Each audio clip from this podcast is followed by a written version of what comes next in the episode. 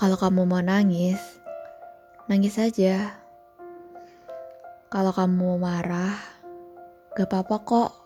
Luapin aja semua amarah kamu. Ingat ya, kalau setiap hubungan tuh gak harus selalu bertahan. Ada hubungan-hubungan yang sementara dan mengajarkanmu cara melepaskan. Banyak keadaan meninggalkan kita tanpa kejelasan, dengan pertanyaan yang bahkan masih belum terjawab. Saat itulah waktu yang tepat untuk merelakan ekspektasi. Nggak semua ending bisa sesuai. Gak apa-apa. Coba deh kamu tanyain ke diri kamu sendiri.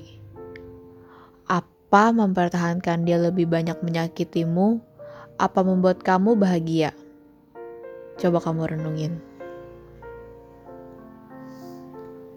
Ingat, jangan sampai alasan kamu bertahan cuma karena kamu takut sendirian.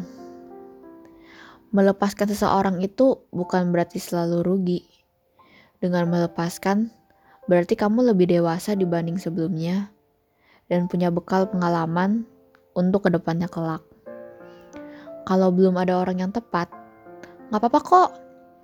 Jatuh cinta tuh bukan kayak perlombaan siapa cepat dia dapat atau siapa yang punya pasangan duluan dia yang menang.